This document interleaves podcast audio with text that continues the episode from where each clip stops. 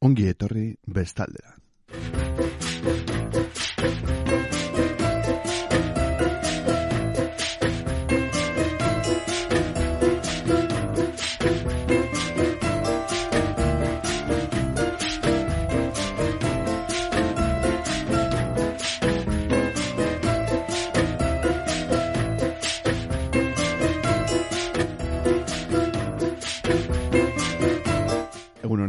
Zer nuz erate bestalde horretan, bestalde honetan ondo dabiltza kontuak, hemen txez egiten dugu etxean itxialdian, eta gaurkoan ere kulturaren berri ematen arituko gara hemen, deka irratiaren sintonian.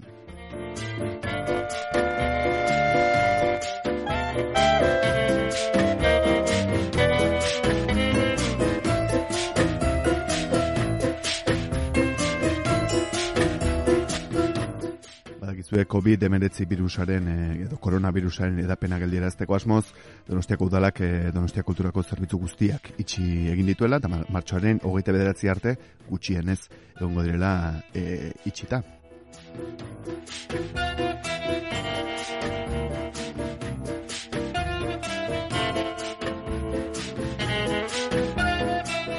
Egoera honek noski, ekitaldi programazio eta zerbitzuetan izango du eragina, eta aurrez aurre ez da inolako ekitaldirik egongo.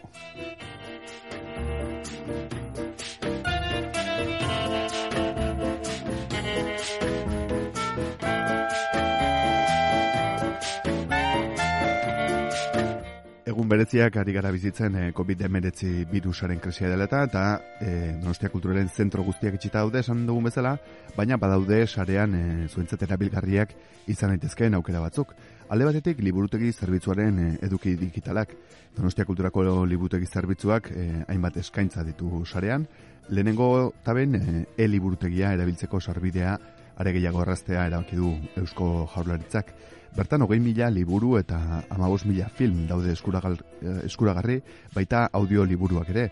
Donostia Kulturako bazkideek badute bertan eh, sartzerik eta eh, badaukazue linka donostiakultura.eu zera sartuta eliburutegiaren eh, sarbidea daukazue antxe, hain zuzen ere. Mailegu digitalaren atalean eh, bi minutuko bideo tutoriala, tutoriala duzu, zerbitzuan nola erabiltzen den eh, jakiteko. Pertsona bakoitzak hilean lau liburu irakurri eta astero bi film ikusteko aukera du.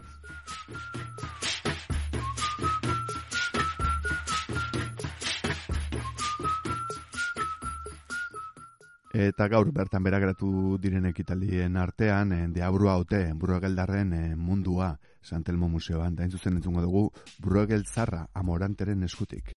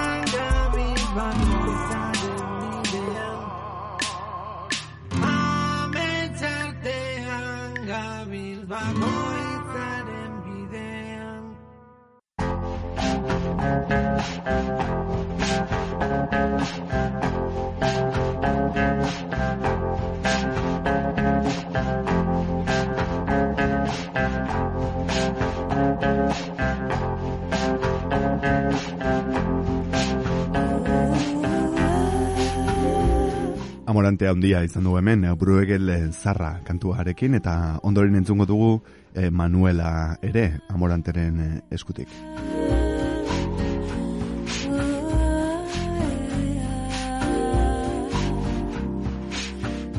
Esaten nintzen, badakizue Donostia Kulturako e, zentro guztiak itxita daudela, baina badago sarean e, eskaintza, eta aipatzen nahi nintzen liburutegi zerbitzuaren eduki digitalak, lehenengo eta behin e-liburutegia den aukera dagola. Eusko Jaurlaritzak e, erraztasunak eman ditu, eta hain zuzen ere hor baitu zuen loturak ba, e-liburutegiaren e, sarbidea egiteko. Bigarnek badugu liburu dantza, Donostiako, Donostia Kulturako liburutegi zerbitzutik egiten den liburuen, liburu gomendioen bloga. Bertan proposamenak aurkituko dituzu eh, heldu zein aurrentzat eta hirugarrenek liburutegi digitala izeneko zerbitzua. Donostian, emeretzigarren mendea maiadatik, mila batzeun dagoita maseiko ustaila bitartean argiteatutako prentsa ikusteko sarbide digitala.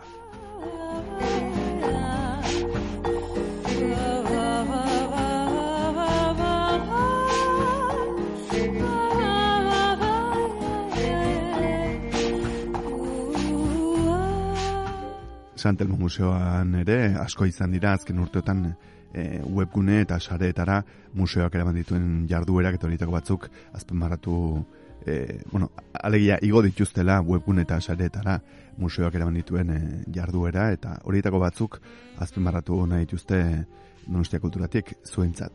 Itzaldi eta mai inguruak, ikerketa lanak, ondararen inguruko esku hartzeak, eta gero eh, aipatuko dizuet zehatzago zein den Santelmo Museoak egiten duen eh, bueno, eduki digitalen eskaintza baliatzera egin duen eh, gonbidapena.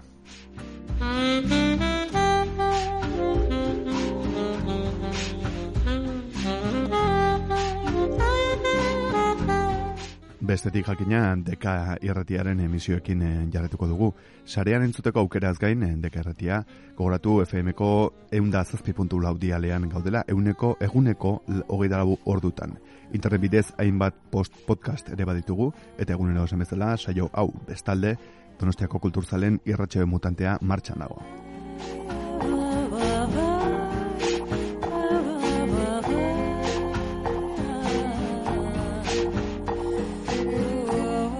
Bestetik Donostia Kulturaren eh, YouTube kanala dugu. Aspalditik dugu kanala, kanal bat aipatutako sarean, Donostia Kultura izenekoa, eta hainbat eh, reproduzio zerrenda daude. Kulturetxeak, liburutegiak eta atal tematikoak, baita gune eta jaialdi nagusietako kanalak ere. Corner, de feria, giza eskubideen zinemaldia, olatu talka heineken jazaldia, fantasiazko eta beldurrezko zinema, literaktum, Santelmo Museoa, Donostia Festak, Larrotxene Bideo eta bar.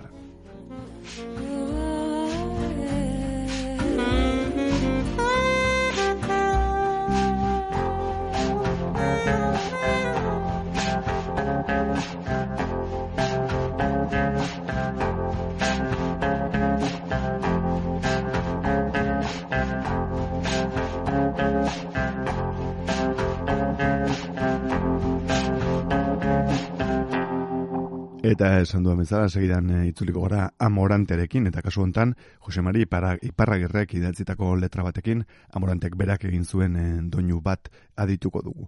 Manuela izen.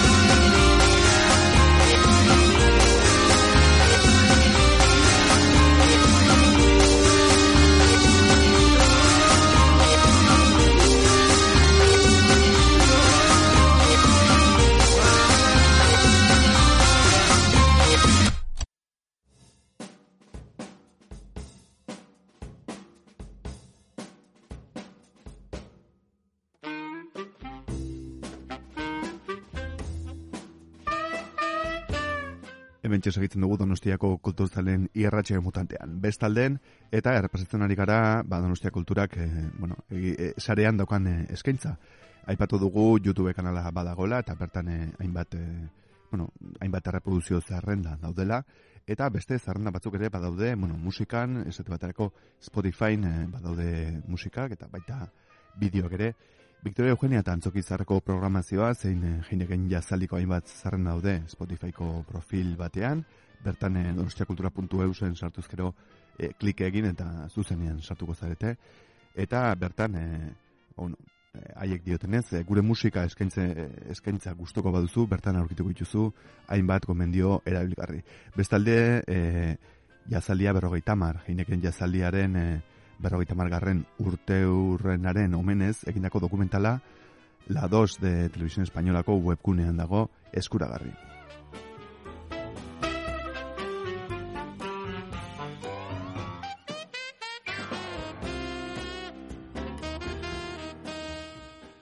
Zinema filminen eta nosferatu aldizkaria. Giza eskubideen zinemaldiak kanal propioa zabaldu berri du filmin izeneko zinema independentearen plataforman, eta horrekin lotuta gogorazi behar da filminek euskarazko kanela ere zabaldu duela. Plataforma hau ordainpekoa da, eta bestetik eh, nosferatu aldizkariaren ale guztiak eskuragai daude sarean, Universitat Politeknika de, Ba- de Valentziak, eh, Universitateko Riunet erakunde gordailuak jarri zituen jendearen esku elbide honetan. Nosferatu aldizkaria hortxe klik egin donostiakultura.euseko e, zera, li, eh, loturan eta bertara sartuko zarete zuzenean.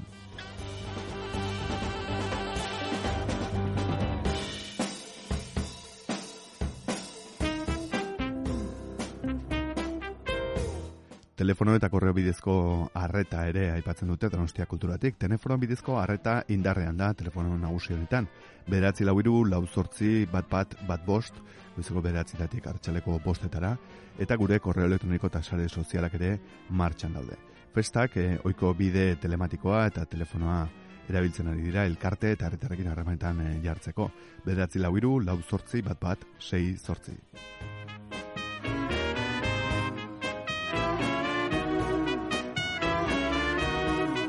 Aipatu behar da bestalde, sarreren diru itzulketak egingo dela, e, lehiaketak, e, gainerako zerbitzuak bezala, itxita daude.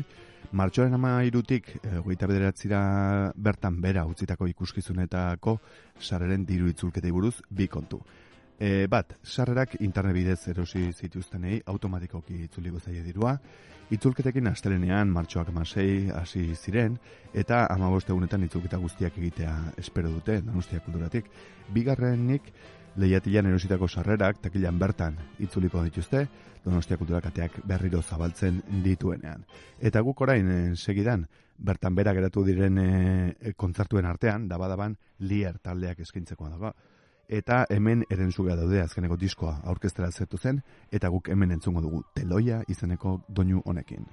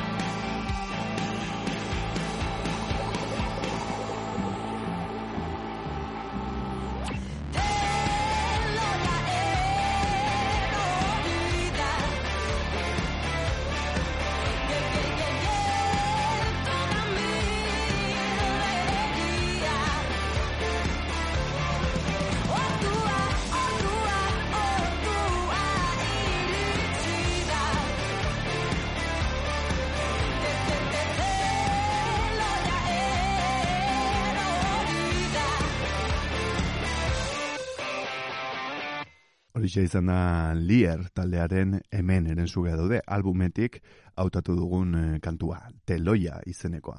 Eta segidan, eh, ba, bueno, jarretuko dugu, ba, sarean dauden, barkatu, sarean dauden eh, eskaintzen berri ematen, barkatu gehiatzue. Eta, eta aipatu dut Santelmo Museoan eh, izan direla hainbat ekitaldi, eta Santelmo Museoak, bueno, hainbat ekitaldi hemen ere entzun ditugunak, eh, baliatu izan dugulako, Santelmo Museoak egiten du lan aparta, Santelmo Museoak eduki digitalen eskaintza baliatzera gonbidatzen ditu Donostiako herritarrak.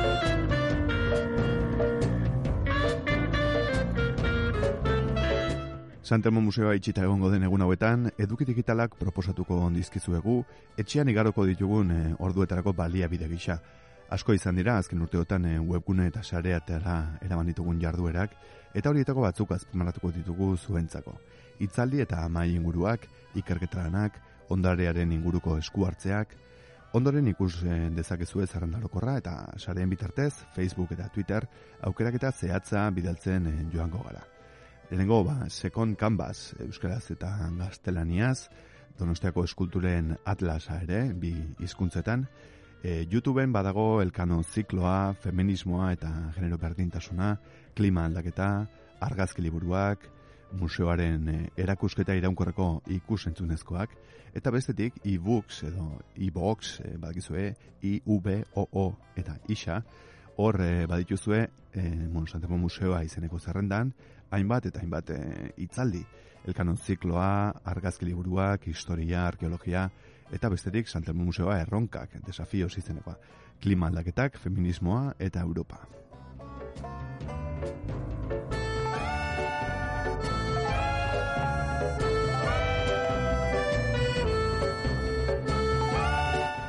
Bestetik miaka izeneko tartea ere badago, ikerketa kuadernoak edo kuadernos de investigación.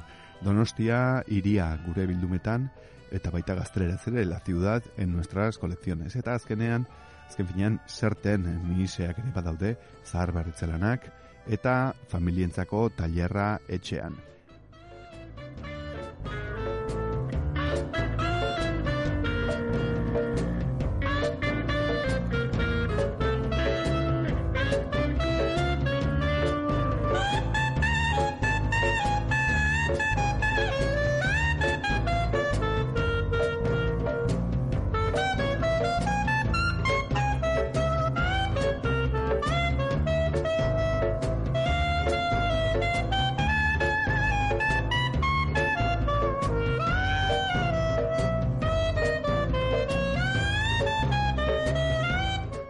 Eh, gero adituko dugu ez osorik, baina bai zati bat, Xavier Alberdi Lonbidek emandako itzali bat Santelmo Museoan hain zuzen, elkano zikloaren baitan. E izena du origen y trascendencia de algunos mitos en torno a la primera vuelta al mundo.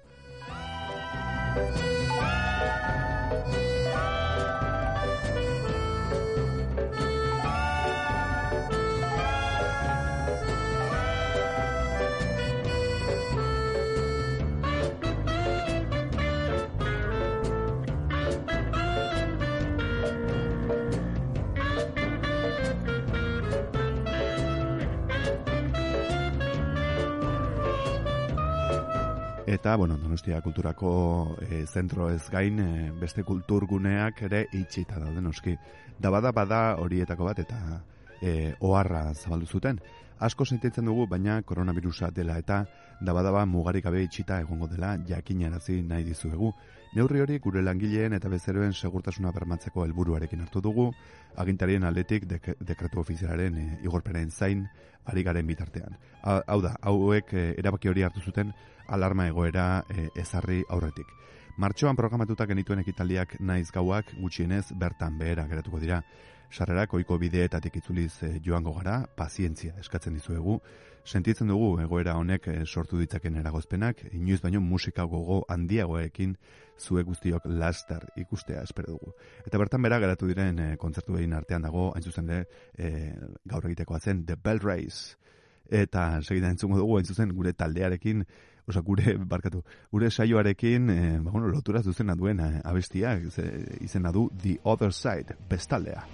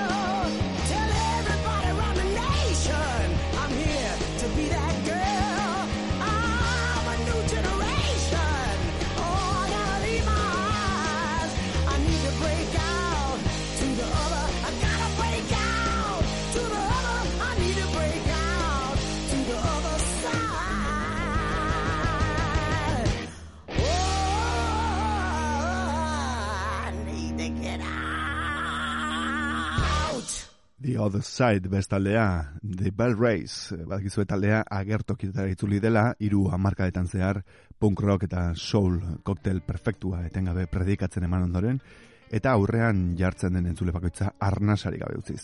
Euren proposamenak oraindik ere mezu gospel moduko bat izaten jarraitzen duela erakusteko. Blues is the teacher, punk is the preacher.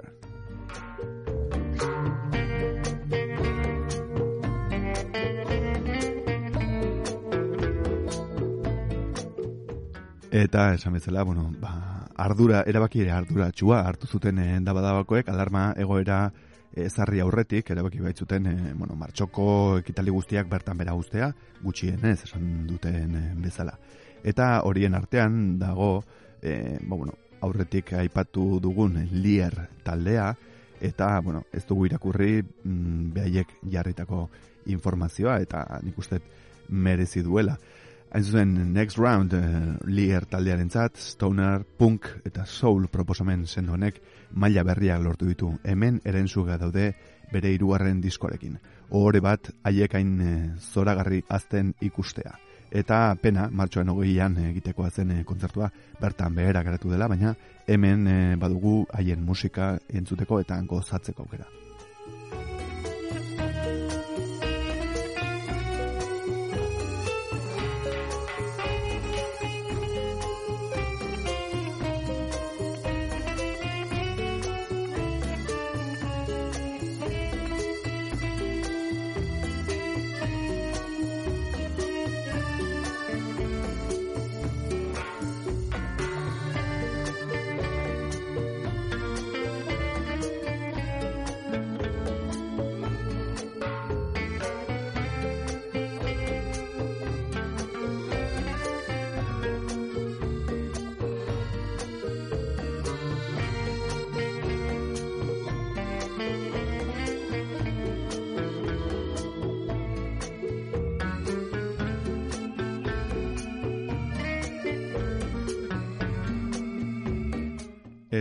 Bertan bera diren ekitalien artean ere, badaukagu, ba, justo, ma, martxoaren hogeian, egitek, dabadaban egitekoa zen e, emanaldia.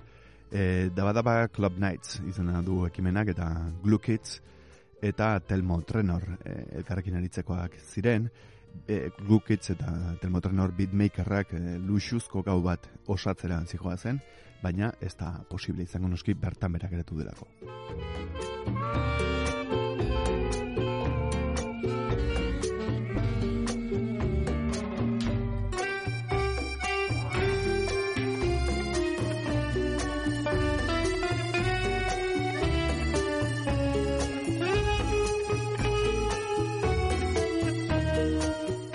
Bertan bera gara geratu da baita ere, Rhythm and Blues, Trap eta Eclectic Hits perreito edo olako estiloak batzen zituen e, txutxamba e, emanaldia daba-daban, martxoaren hogeita batean.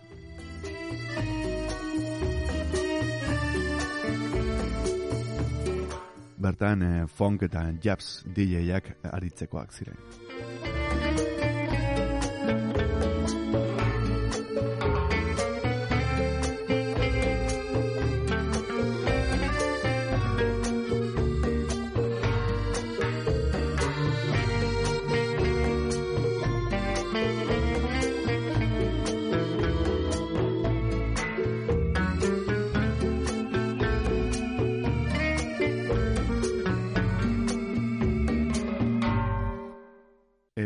Aipatu dugu Glue Kids e, beatmakerra aritzekoa zela handabadaban eta orain adituko dugu Where Have All the Flowers Gone izeneko doinua hemen Glue Kidsen eskutik.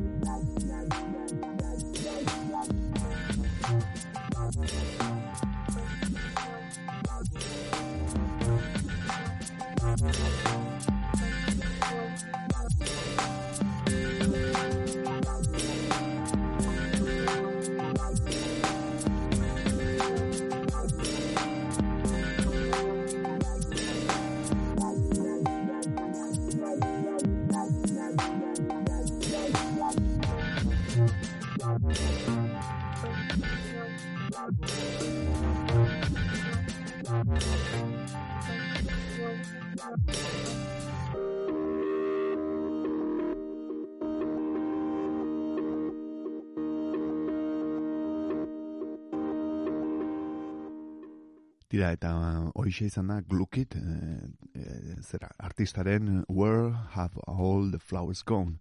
Eta segidan entzungo dugu Telmo Trenor berarekin e, aritzeko zena, bere hit diskoko aruba doinuarekin.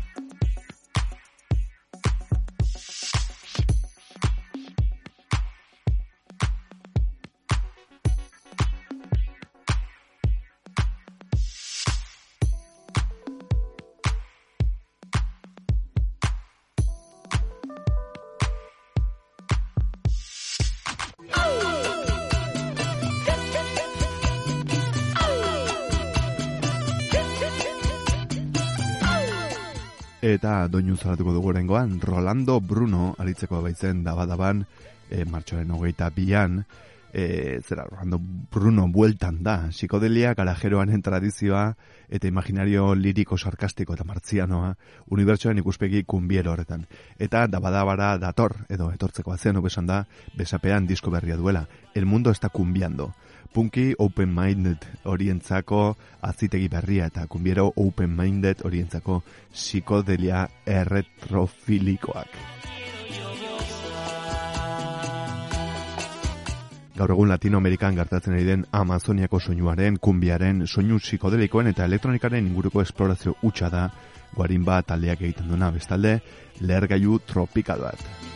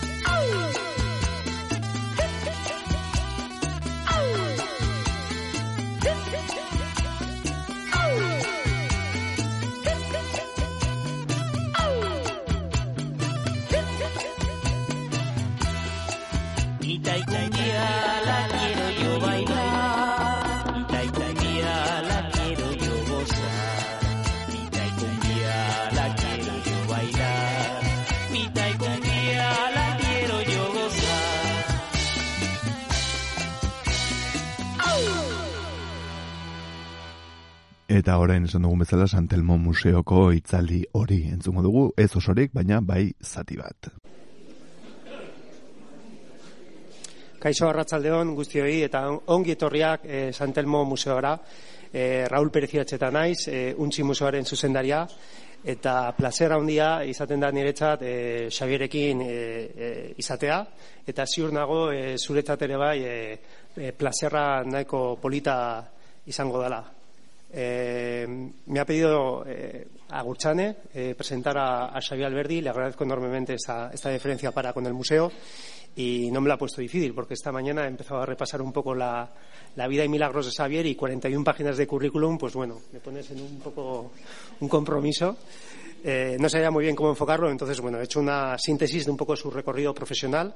Diré que nace en Zarauz en fecha desconocida, que cursa estudios de historia por la Universidad de Deusto y también es por Deusto, por lo cual eh, tiene un máster en recursos culturales y es doctor en historia moderna por la Universidad del Pa- del País Vasco con la tesis Conflictos de intereses en la economía marítima guipuzcoana durante la Edad Moderna. En su ámbito relacional eh, es socio de muchas cosas y de muchas instituciones. Destacar Ciencias Aranzadi desde el 92, Eusko desde el 92, de los cursos de verano de la Real Sociedad Vascongada Amigos del País, siendo supernumerario. Esta palabra me gusta, supernumerario desde el 2013 y socio de número desde el 2016. Y pertenece al equipo de arqueología del Museo Minero del País Vasco desde el 2014. Su recorrido, su recorrido profesional es muy amplio y muy, muy denso. Destaco que durante 10 años, del 2005 al 2015, fue director de proyectos de la empresa Seasten Servicio Culturalac, que era una entidad dedicada a la investigación, socia- socialización y gestión del patrimonio histórico y arqueológico del País Vasco. Ha sido director de muchos, muchos y muchos proyectos de investigación histórico y arqueológico en Euskadi. Ha sido comisario de más de una decena de exposiciones. Tiene más de 60 publicaciones en revistas del ramo de arqueología y de e historia. Desde el 2015 trabaja como director eh, del Departamento de Investigación de Álvaro Alcartea.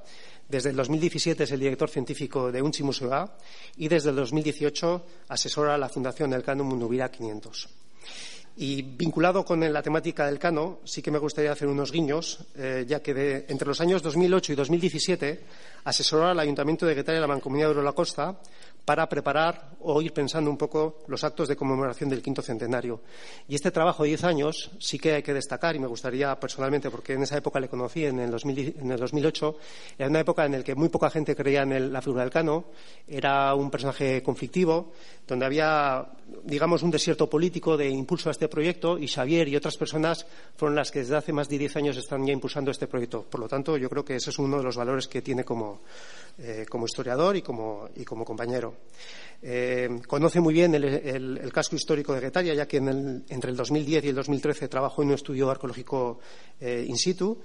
Eh, dirigió el año pasado un congreso internacional sobre la nao Victoria en el Palacio de Miramar, en el marco de los cursos de verano, y como bien he dicho, desde el 2018 es asesor de la, de la Fundación El Cando Mundumira 500.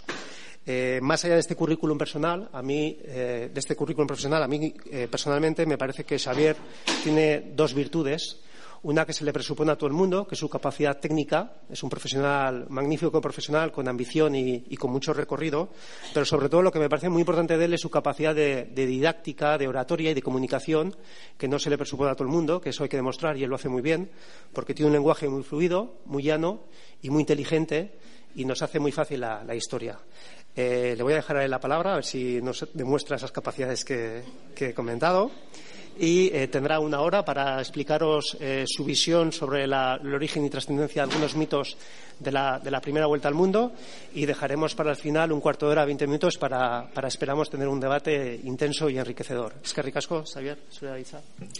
Escarrik asko, Raúl. Hablando de mitos, eh, bueno, a geografía. Aquí tenéis. Esto- de esto vamos a, de esto vamos a hablar. Euskaraz nahi dut dana dela hitz esan. Eskarrik asko etorri zazten guztioi. Eta nahiko hitzaldi komplexua da, eta espero et, etxastela gehiagi aspertuko. Nahiko bizi jungo naiz, gauza asko da belako hitz egiteko, eta ez dakit denea aliatuko gean. Decía que es un tema complejo eh, y que he traído muchas cosas y no sé si voy a llegar a todo, no sé si me va a dar tiempo a desarrollar todo, con lo cual voy a ir un poquito rápido y bueno, espero que tengamos después un, un turno de, de, de preguntas y de, de discusión y bueno, ya trataremos si hace falta. Eh, bueno, los mitos no son asépticos. Eh, ya habéis oído a, a Raúl, pues echándome flores. Él es el director del Museo Naval, con lo cual le tocaba echar flores. eh, y efectivamente es así. Eh, se construyen, como digo ahí, eh, con algunos objetivos que pueden ser para, bueno, ensalzar, eh, glorificar lo que sea, o eh, victimizar, vilipendiar a personajes, colectividades, sucesos, etcétera. No voy a entrar en eso porque yo creo que, que todos somos conscientes de ello, todos eh, conocemos y hemos ido, nos hemos topado y nos topamos habitualmente con mitos y no tenemos más que ver eh, bueno, las discusiones políticas que cada dos por tres eh, bueno, eh, tenemos ocasión de, escuchar y de leer y bueno, pues no vamos a entrar en esa, en esa cuestión, es una perogrullada, pero había que, había que empezar. Los mitos, pues bueno, mitos son, pero tienen un, tienen un problema, generan un problema.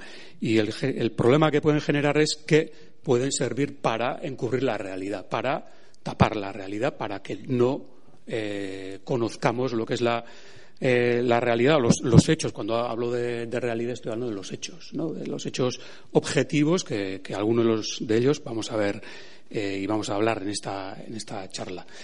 Eh, y en lo que respecta al cano es, evidente, ¿no? Eh, si queremos restaurar, si tenemos que reivindicar, si es que hay que reivindicar y hay que re- restaurar la figura del cano, tenemos una ingente tarea, un, vamos, un trabajo quizá inabarcable de, ir eh, bueno, pues eliminando todos esos mitos y, y llegar, si es que algún día llegamos a-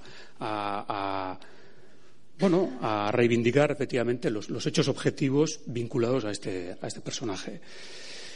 Tampoco con eso quiero decir que haya que erradicar los mitos. Los mitos, bueno, hay algunos, ya veremos, algunos muy bonitos, la verdad, eh, y tienen, bueno, un, un origen sobre todo popular, eh, que a lo largo de los siglos, bueno, se han ido desarrollando en Zarauz, en Guetaria y tal. Bueno, ya los veremos.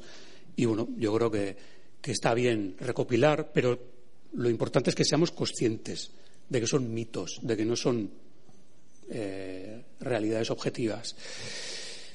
En suma, identificarlos ¿eh? es, fundamental porque, eh, como veremos, los mitos lo que han dado lugar es a, a la generación de tradiciones historiográficas, es decir, mm, determinado historiador genera un mito, el que sea, con unos intereses concretos, evidentemente, y ese mito eh, se transmite, se hereda eh, en las academias, eh, por parte de los escritores, por parte de los historiadores, a lo largo de- del tiempo, a lo largo de los siglos, cambian los intereses, cambian los personajes, pero el mito permanece.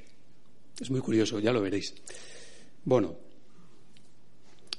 voy a tratar de dos, de dos mitos, ¿no? Porque podríamos hablar aquí de, vamos, esto es un trabajo de tesis doctoral, la verdad. Pero para hacer un, bueno, un resumen general de, lo que hay, eh, bueno, por una parte trataré de algunos protagonistas, concretamente, pues del Cano, eh, sobre todo trataré la figura del Cano, de, de los mitos relativos a, a el Cano. Evidentemente, si tengo que hablar de los mitos relativos al Cano, no tengo más remedio que hablar de los mitos relativos a Magallanes, con lo cual eh, hablaremos sobre todo de los dos personajes. Y después, en una segunda parte, hablaré de, otro, protagonista importante del viaje, que es de la nao Victoria, que también ha generado sus mitos y que me parece muy interesante que, que los veamos. Eh, he hecho una clasificación.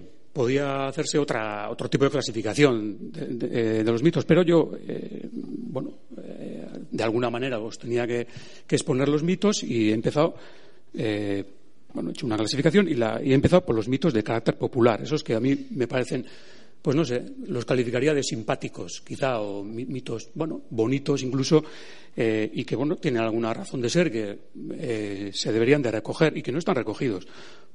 Yo, a lo largo de los años, he ido entrevistando a, ancianos, etcétera, en Zarauz, en Guetaria, en el barrio del Cano, en Aya, y son mitos que me han ido contando las gentes que la mayoría de las personas que me contaron estos mitos ya, no están entre nosotros. Por ejemplo, eh, que el Cano era de Zarauz. Porque el Cano, no sé si se ve mucho en el mapa, pero según contaban los ancianos, o algunos ancianos de Zarauz, sobre todo del barrio del Cano, era de este caserío, del caserío del Cano Goyena, que está en el barrio del Cano, ¿conocéis el barrio del Cano? Claro, todos decimos el barrio del Cano de, de Aya. No, el barrio del Cano de Aya y Zarauz, porque Zarauz, eh, el barrio del Cano está repartido entre ambas jurisdicciones, entre Zarauz y, y Aya. Y concretamente, Zarauz tiene una serie de enclaves y uno de estos enclaves, eh, este edificio que veis aquí, o que intuís, es la iglesia del Cano, de San Pedro del Cano, y el que está tapado por el nombre del Cano Goyena es el, el caserío. Bueno, pues está dentro de, de este enclave de Zarauz. Bueno, pues eh, el Cano Goyena, según contaban los ancianos de- del barrio, eh, era natural de, ese caserío, con lo cual era Saraustarra, no era, no era Getaiarra, era Saraustarra. Entonces me acuerdo que le entrevisté a- al, al- casero eh, que tenía ochenta y tantos años en el 98, 89 años. Eh, bueno, un tío increíble. acababa de regresar del hospital, había estado eh, con tétanos en, eh, en el UCI no sé cuántos meses, con 89 años, superó la enfermedad y, estaba allí. Y bueno, y me decía, el Cano nació en esta casa, y Chontan Hayu Awan. Y entonces le pregunté, ¿y por qué dicen que era de Guetaria? Y me contestó, bueno, el asunto es que su madre solía ir a Guetaria a trabajar en las alazoneras, a quitar, a descabezar anchoas. ¿No? Entonces, claro, su madre todos los días iba y venía del caserío ancho a, a Guetaria a descabezar anchoas y el cano crío pues le acompañaba a su madre. Y claro, como iba allí, pues empezó allí la escuela y empezó allí a trabajar y tal, y al final se quedó allí. Y por eso los de Guetaria dicen que es de Guetaria, pero es de Zarauz. Nació en este caserío. Bueno, ahí tenéis, un mito bien bonito. Otro, otro mito recogido en Zarauz. eh, dice que el cano dio la, vuelta al mundo, terminó la vuelta al mundo, dice que llegó y que nadie le creía. Que, le dio la vuelta al mundo. Bueno, bueno, y nadie le creía. Entonces, eh, para demostrar que era cierto, pues dijo, voy a, voy a- le voy a dar la vuelta otra vez. Y entonces se embarcó en el segundo viaje, que es en el que murió. ¿eh? Otro mito, pues curioso. El último, el cano era un, un putañero, o putero, como queráis, es un mito que, se oye mucho en Guetaria. Y yo creo que es un mito eh, de inspiración eclesiástica o de inspiración académica, si queréis. Eh, yo entiendo que, que a, a finales del siglo XIX, principios del siglo XX, en el, en el puritanismo activo de aquellos años, a ver cómo le explicabas a los alumnos que, claro, es que el cano tenía varios hijos ilegítimos y, joder, era un, un picha brava, vamos. Entonces, pues, esa es la, el mito que, bueno, en Guetaria muchas veces suelen contar. Ese, ese era un picha brava y anduvo por ahí, pues eso, ya sabemos en qué.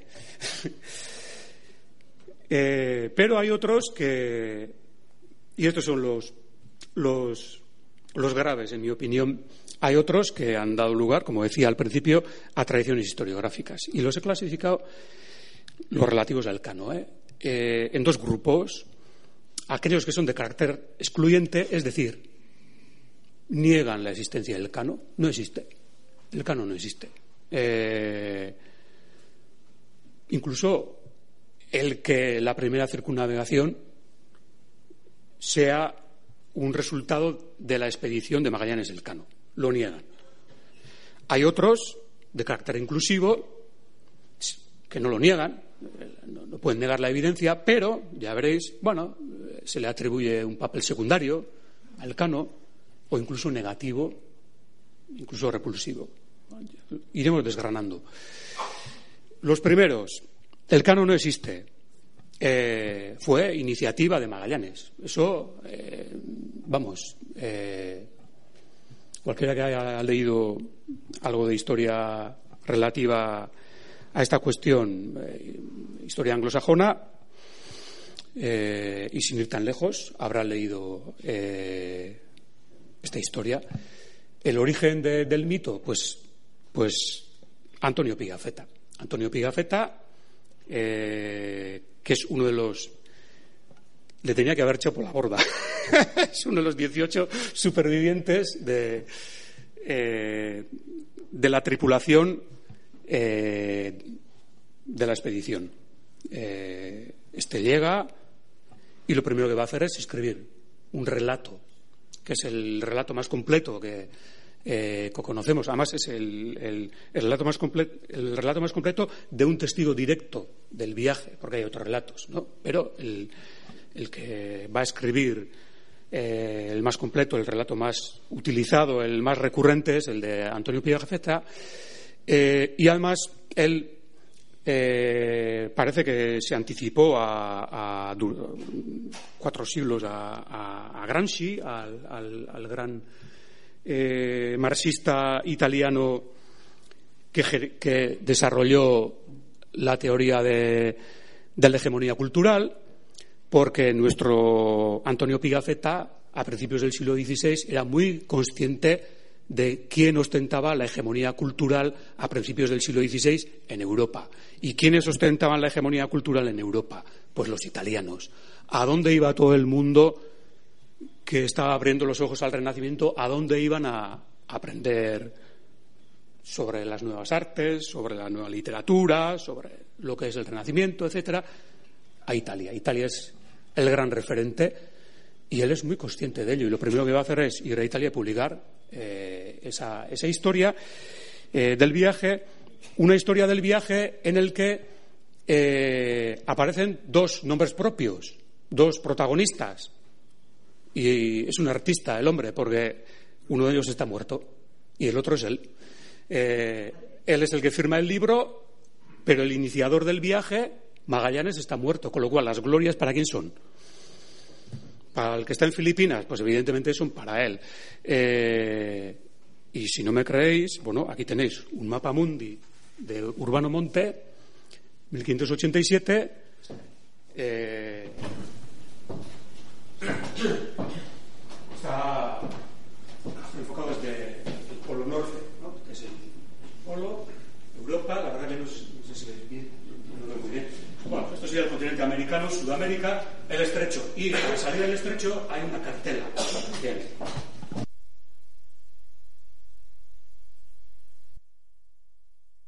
Bien, me están grabando.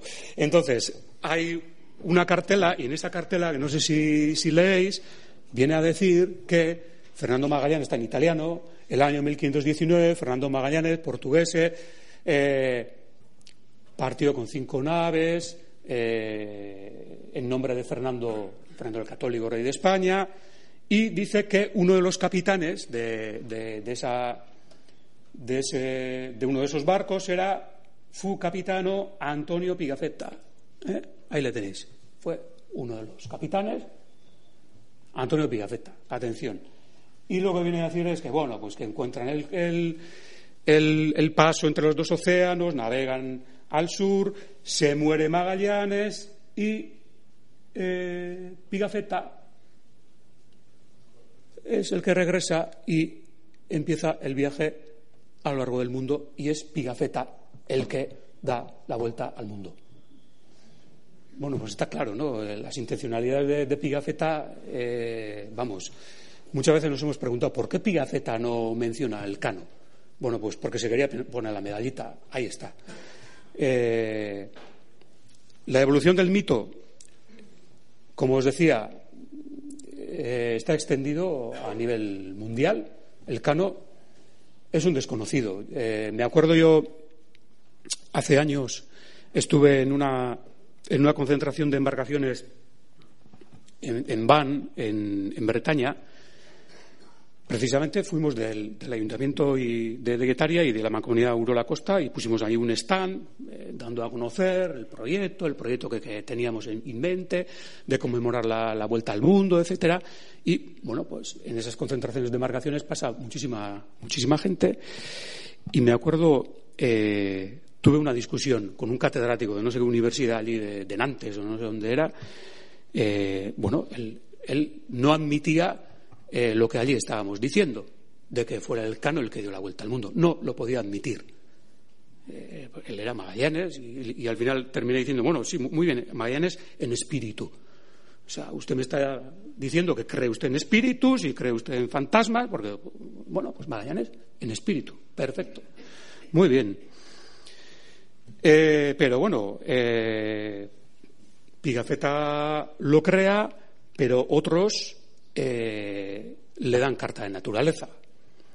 Y nada menos que aquí tenemos a Fernández de Navarrete, eh, los padres de la historia positivista, los padres de la historia como ciencia y uno de los padres también de la historia nacional española. Es decir, eh, no sé, si el cano es español, quienes deberían de haber defendido la figura de, de- del cano deberían ser estos que efectivamente generaron toda una serie de mitos para demostrar la existencia de la nación española desde tiempo inmemorial y defender sus grandezas. Bueno, pues ahí lo tenéis. Eh, Es de leer, es un panegírico eh, bueno, eh, de San Fernando Magallanes. Su arrojo, su severidad, su instrucción náutica, bueno, ahí tenéis. Pero en resumen, tal fue el término y resultado de esta célebre expedición que llevará el nombre de Magallanes a la más remota posteridad. Si se dio la primera vuelta al mundo con asombro de sus coetáneos, todo se debió a Magallanes. Bueno, Eh, efectivamente, eh, el proceso de, construcción de un personaje mítico implica, entre otras cuestiones, que ese personaje se tiene que enfrentar pues, a toda una serie de pruebas. Es decir, todo el mundo eh, le pone zancadillas, todo el mundo está contra él, todo el mundo le pone trabas, pero el héroe es capaz de superar todos los problemas humanos o, o naturales, físicos, y eh, bueno, se encumbra con, con la gloria.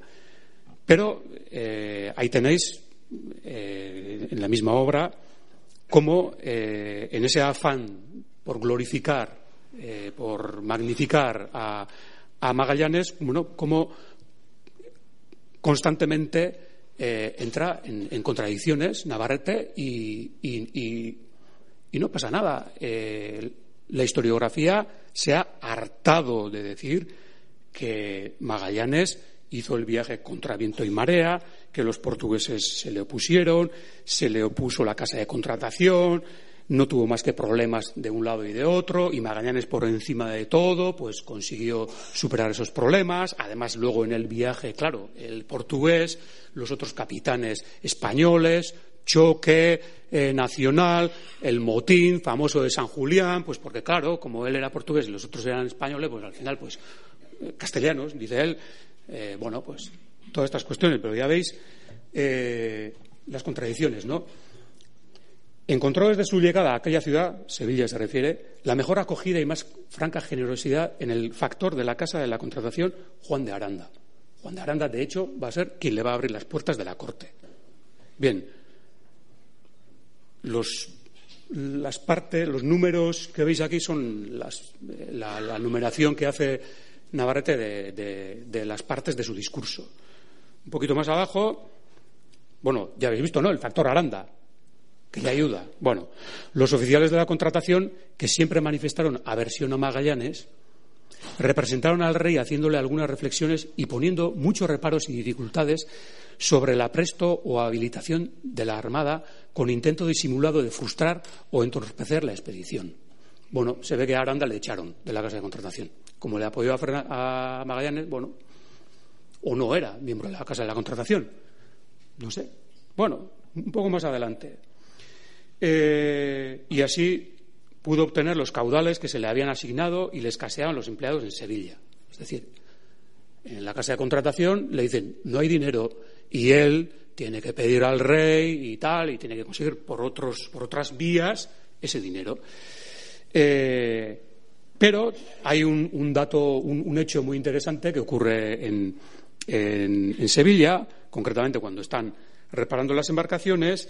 eh, él, Magallanes, puso su escudo de armas en una de las antenas de uno de los barcos.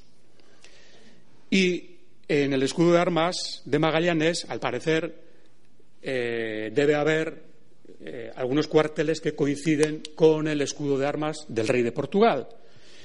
Y efectivamente, eh, un, alcalde, un alcalde de Sevilla debió identificar como la bandera, como las armas del rey de Portugal. Entonces, claro, el representante del rey de Castilla en Sevilla coge, coge la vara y se presenta allí con un tumulto. Se presentó en el astillero de, de Triana exigiendo eh, pues que se quitara la, la bandera esa y, y de paso, pues, pues vamos, vamos a darle a este un correctivo.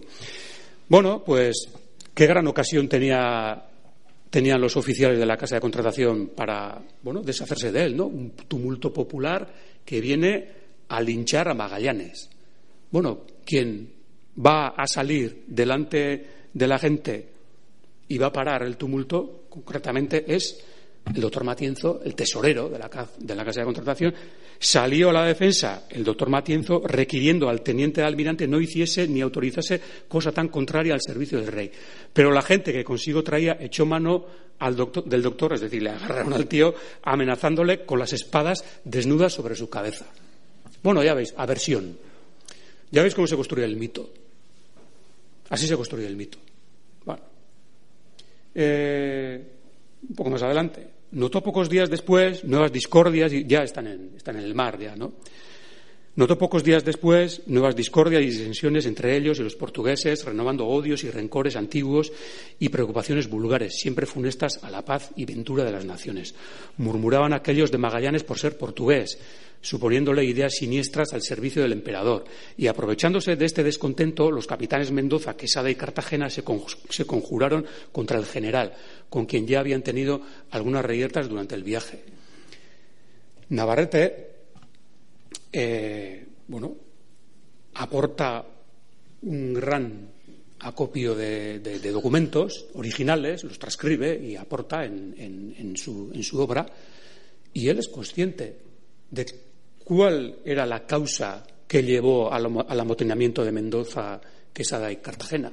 La causa primera, y además eh, ahí lo tiene, y tiene los testimonios, etcétera, y, lo- él mismo los transcribe, pero luego no habla. La causa primera por la que se amotinan es que pedían a Magallanes la derrota. Es decir, salen de Sevilla y eh, en las capitulaciones que firmó Magallanes con el emperador, una de las condiciones es que Magallanes iba a dar la derrota a todos los capitanes y pilotos de la expedición. Eh, la derrota es ¿a dónde vamos? Esa es, eh, esa es la derrota. Bien, eh, parecerá una tontería, pero es que no había radio, ni había móviles, ni había GPS, ni navegación por satélite, eh, lo cual eh, una flota que va en conserva, una flota eh, en la que van varios barcos a la vez, si los pilotos y capitanes de esa flota no saben el destino al que van, les obligas a todos a tener que navegar siguiéndole al que sabe, con barcos absolutamente distintos, que, tiene, que, que se comportan de distinta manera, eh, que tienen distintas velocidades de crucero, etcétera. Eh, es decir, es una cuestión de vida o muerte. Bueno, esa va a ser la causa principal, que evidentemente Navarrete no dice nada, etcétera. Eh, otras cuestiones que el emperador prohíbe y que Navarrete da por bueno es esta, la de su muerte, la causa que llevó a su muerte precisamente. Eh, en el- la capitulación, el emperador dice que no os metáis en jaleos con las poblaciones eh, indígenas a donde lleguéis. Es decir, eh, no empecéis con cuestiones de evangelizaciones y, y historias. El objetivo es establecer una ruta comercial y no vayamos a estropear aquí el, negocio antes de empezar. Entonces, eh, bueno, llega Magallanes a Filipinas y lo primero que hace, pues ahí tenéis. eh, una iglesia y esto y lo otro y luego ya que, claro, como el rey, el rey de, de Cebú se hizo cristiano, entonces pretendió que todos los demás reyes de las demás islas se sometieran a ese rey. Y esa fue la causa de- del, del enfrentamiento en Mactán, donde le mataron a, Magallanes. Pero ya veis que Navarrete no lo critica, sino que, claro, no, no, eso es una, buena obra, claro, es una obra cristiana, eh, es una obra loable, es una obra propia de un, de un héroe cristiano, de un caballero cristiano que llega a aquellas tierras y lo primero, la primera preocupación que tiene es cristianizar a aquellas gentes. Es una cuestión loable, por mucho que estuviera prohibido. Eh, bueno, aquí he- os he traído una parte de esas capitulaciones y podía haber traído todas, pero es que no podemos estar aquí. Pero vamos a ir al, al- grano, ¿no? De alguna manera. Eh, siempre que se atribuye eh, la autoría de la vuelta al mundo a, a Magallanes, se obvia precisamente, eh, se obvian estas condiciones. Y efectivamente ahí está una de las condiciones eh, que el rey exigirá por activa y por pasiva. El rey os obligáis de descubrir en los dominios que nos pertenecen y son nuestros en el mar océano dentro de los límites de nuestra demarcación. Bueno, ya sabéis, la, la famosa división del mundo, ¿no? En el Tratado de Tordesillas, Portugal y España se reparten el mundo. Entonces, hay dos, dos zonas eh, demarcadas, dos jurisdicciones. Por eso dice que solamente navegaréis en aquella demarcación que es nuestra. No entraréis, eh, hayáis de ir e vayáis a descubrir a la parte del mar océano dentro de nuestros límites de demarcación. Con tanto que no descubráis ni hagáis cosa en la demarcación en límites del serenísimo rey de Portugal, mi muy caro y muy amado tío y hermano, ni en perjuicio suyo, salvo dentro de los límites de nuestra demarcación. Con lo cual, la vuelta al mundo es imposible. Es imposible y el objetivo de Magallanes no es ninguna vuelta al mundo.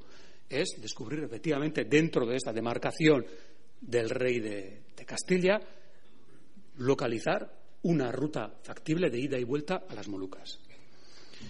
Eh, bueno, estamos en la negación, ¿no? Eh, Bueno, otros han ido más allá.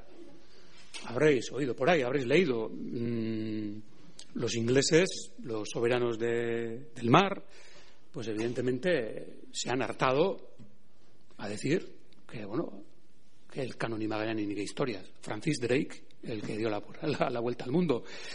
Y, y qué casualidad, eh, no voy a entrar en más historias, porque bueno, allá cuidados que digan lo que quieran.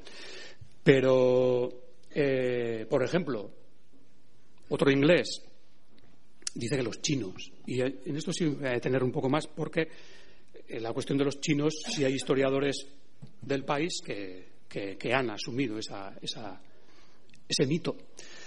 Eh, concretamente, este es el señor. No sé cómo se. No sé, yo mi inglés, la verdad. Gavin Menzies. el libro, 1421, el año en que China descubrió el mundo. Eh, por cierto, que igual tenía que haber hecho al principio. Este señor no es historiador. Este señor es un capitán jubilado de submarino inglés.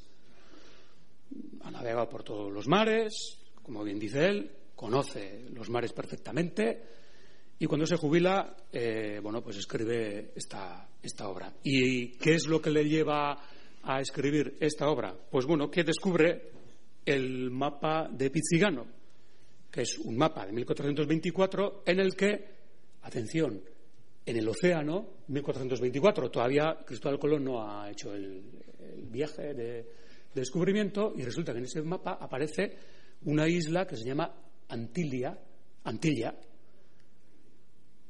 y otras islas. Bien. Y entonces dice, ostras, antes de Colón alguien ha estado allí y efectivamente ha certificado que hay una isla que se llama Antilla. Entonces dice, pero si los investiga y se da cuenta que no han sido los portugueses los que han llegado allí, es su primera opción, habrán sido los portugueses. No, no han sido. Entonces dice, pero si los portugueses no habían descubierto y explorado Antilia y Santanaces, ¿quién demonios lo había hecho? Y dice, una a una fui descartando prácticamente todas las flotas del mundo que podían haber emprendido de manera viable tan ambicioso viaje en las primeras décadas del siglo XV. Y va descartando.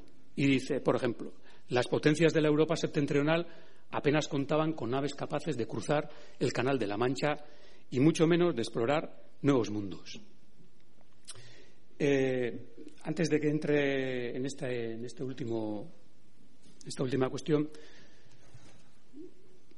eh, podríamos estar dos horas, el libro se las trae, eh, podríamos estar dos horas, vamos, desmontando eh, su pequeña historia de la Atlántida, porque, bueno, esas son las, los argumentos, pero he traído este mapa porque es, yo creo que es muy listo, perdón, eh, pero me tengo que levantar. He traído este mapa porque yo creo que es muy, muy ilustrativo de, de cuál es su línea de argumentación. Bueno, él dice, claro, es perfecto. Eh, ¿Qué fuentes de información tengo para decir que han sido los chinos? Bueno, la fuente de información que tengo son una serie de mapas, una serie de mapas fabricadas en Europa, elaboradas en Europa, como esa que, hemos comentado. Eh, y después dice, y en China no hay documentación porque resulta que después de estas expediciones eh, hubo un cambio de emperador y ese emperador ordenó que se quemara y se destruyera toda la documentación eh, relativa a esos viajes, etcétera. Es decir, es magnífico, ¿no? Eh, tenemos pruebas europeas y no tenemos pruebas en China para decir que han sido los chinos. Pero fijaos, nos pone un mapa en el que aparecen trazados los viajes de los distintos almirantes chinos que, según él, hicieron esas expediciones, eh, que cartografiaron todo el mundo, vamos, navegaron por el norte de, Eurasia, dieron la vuelta a Groenlandia, todo el continente americano, evidentemente el estrecho de Magallanes, Australia, toda África, todo, todo Oriente, sea, todo el mundo. Cartografían todo el mundo, iban por todo el mundo, salvo, uy, qué casualidad. A Europa no vienen. No hay un solo documento en Europa que diga, joder, aparecieron unos barcos enormes con unos tíos, con perdón, amarillos, con los ojos rasgados. No hay un puñetero documento, con lo cual de Europa no pasaron. Joder, qué bonito. O sea, este es. eh, este mapa es suficiente para echar por tierra todo lo que, todo lo que dice este libro. Pero eh, este dato es muy interesante. La potencia, las potencias de la Europa septentrional apenas contaban con naves capaces de cruzar el Canal de la Mancha y mucho menos de explorar nuevos mundos. El año de publicación de, esta obra es el año 2002. Ese mismo año, el 2002, concretamente, se descubre en, en Inglaterra, se descubre en Newport, se descubre un barco, el barco de Newport, que años después se demuestra que es un barco construido en el País Vasco, eh, un barco eh, poco más o menos el doble de grande del San Juan que se está reconstruyendo en pasajes. Bueno, eh, estaréis de acuerdo conmigo que el San Juan sí es un barco capaz de explorar nuevos mundos, ¿no? Bueno, de hecho, fue descubierto en Terranova, en Red Bay. Bueno, eh, el barco de Newport es de 1448-49. Eh, 20 años posterior al mapa de Pichigano, 40 años anterior a que Colón atraviese el océano y llegue a América. Es decir, la tecnología, que no había tecnología capaz de atravesar el Canal de la Mancha.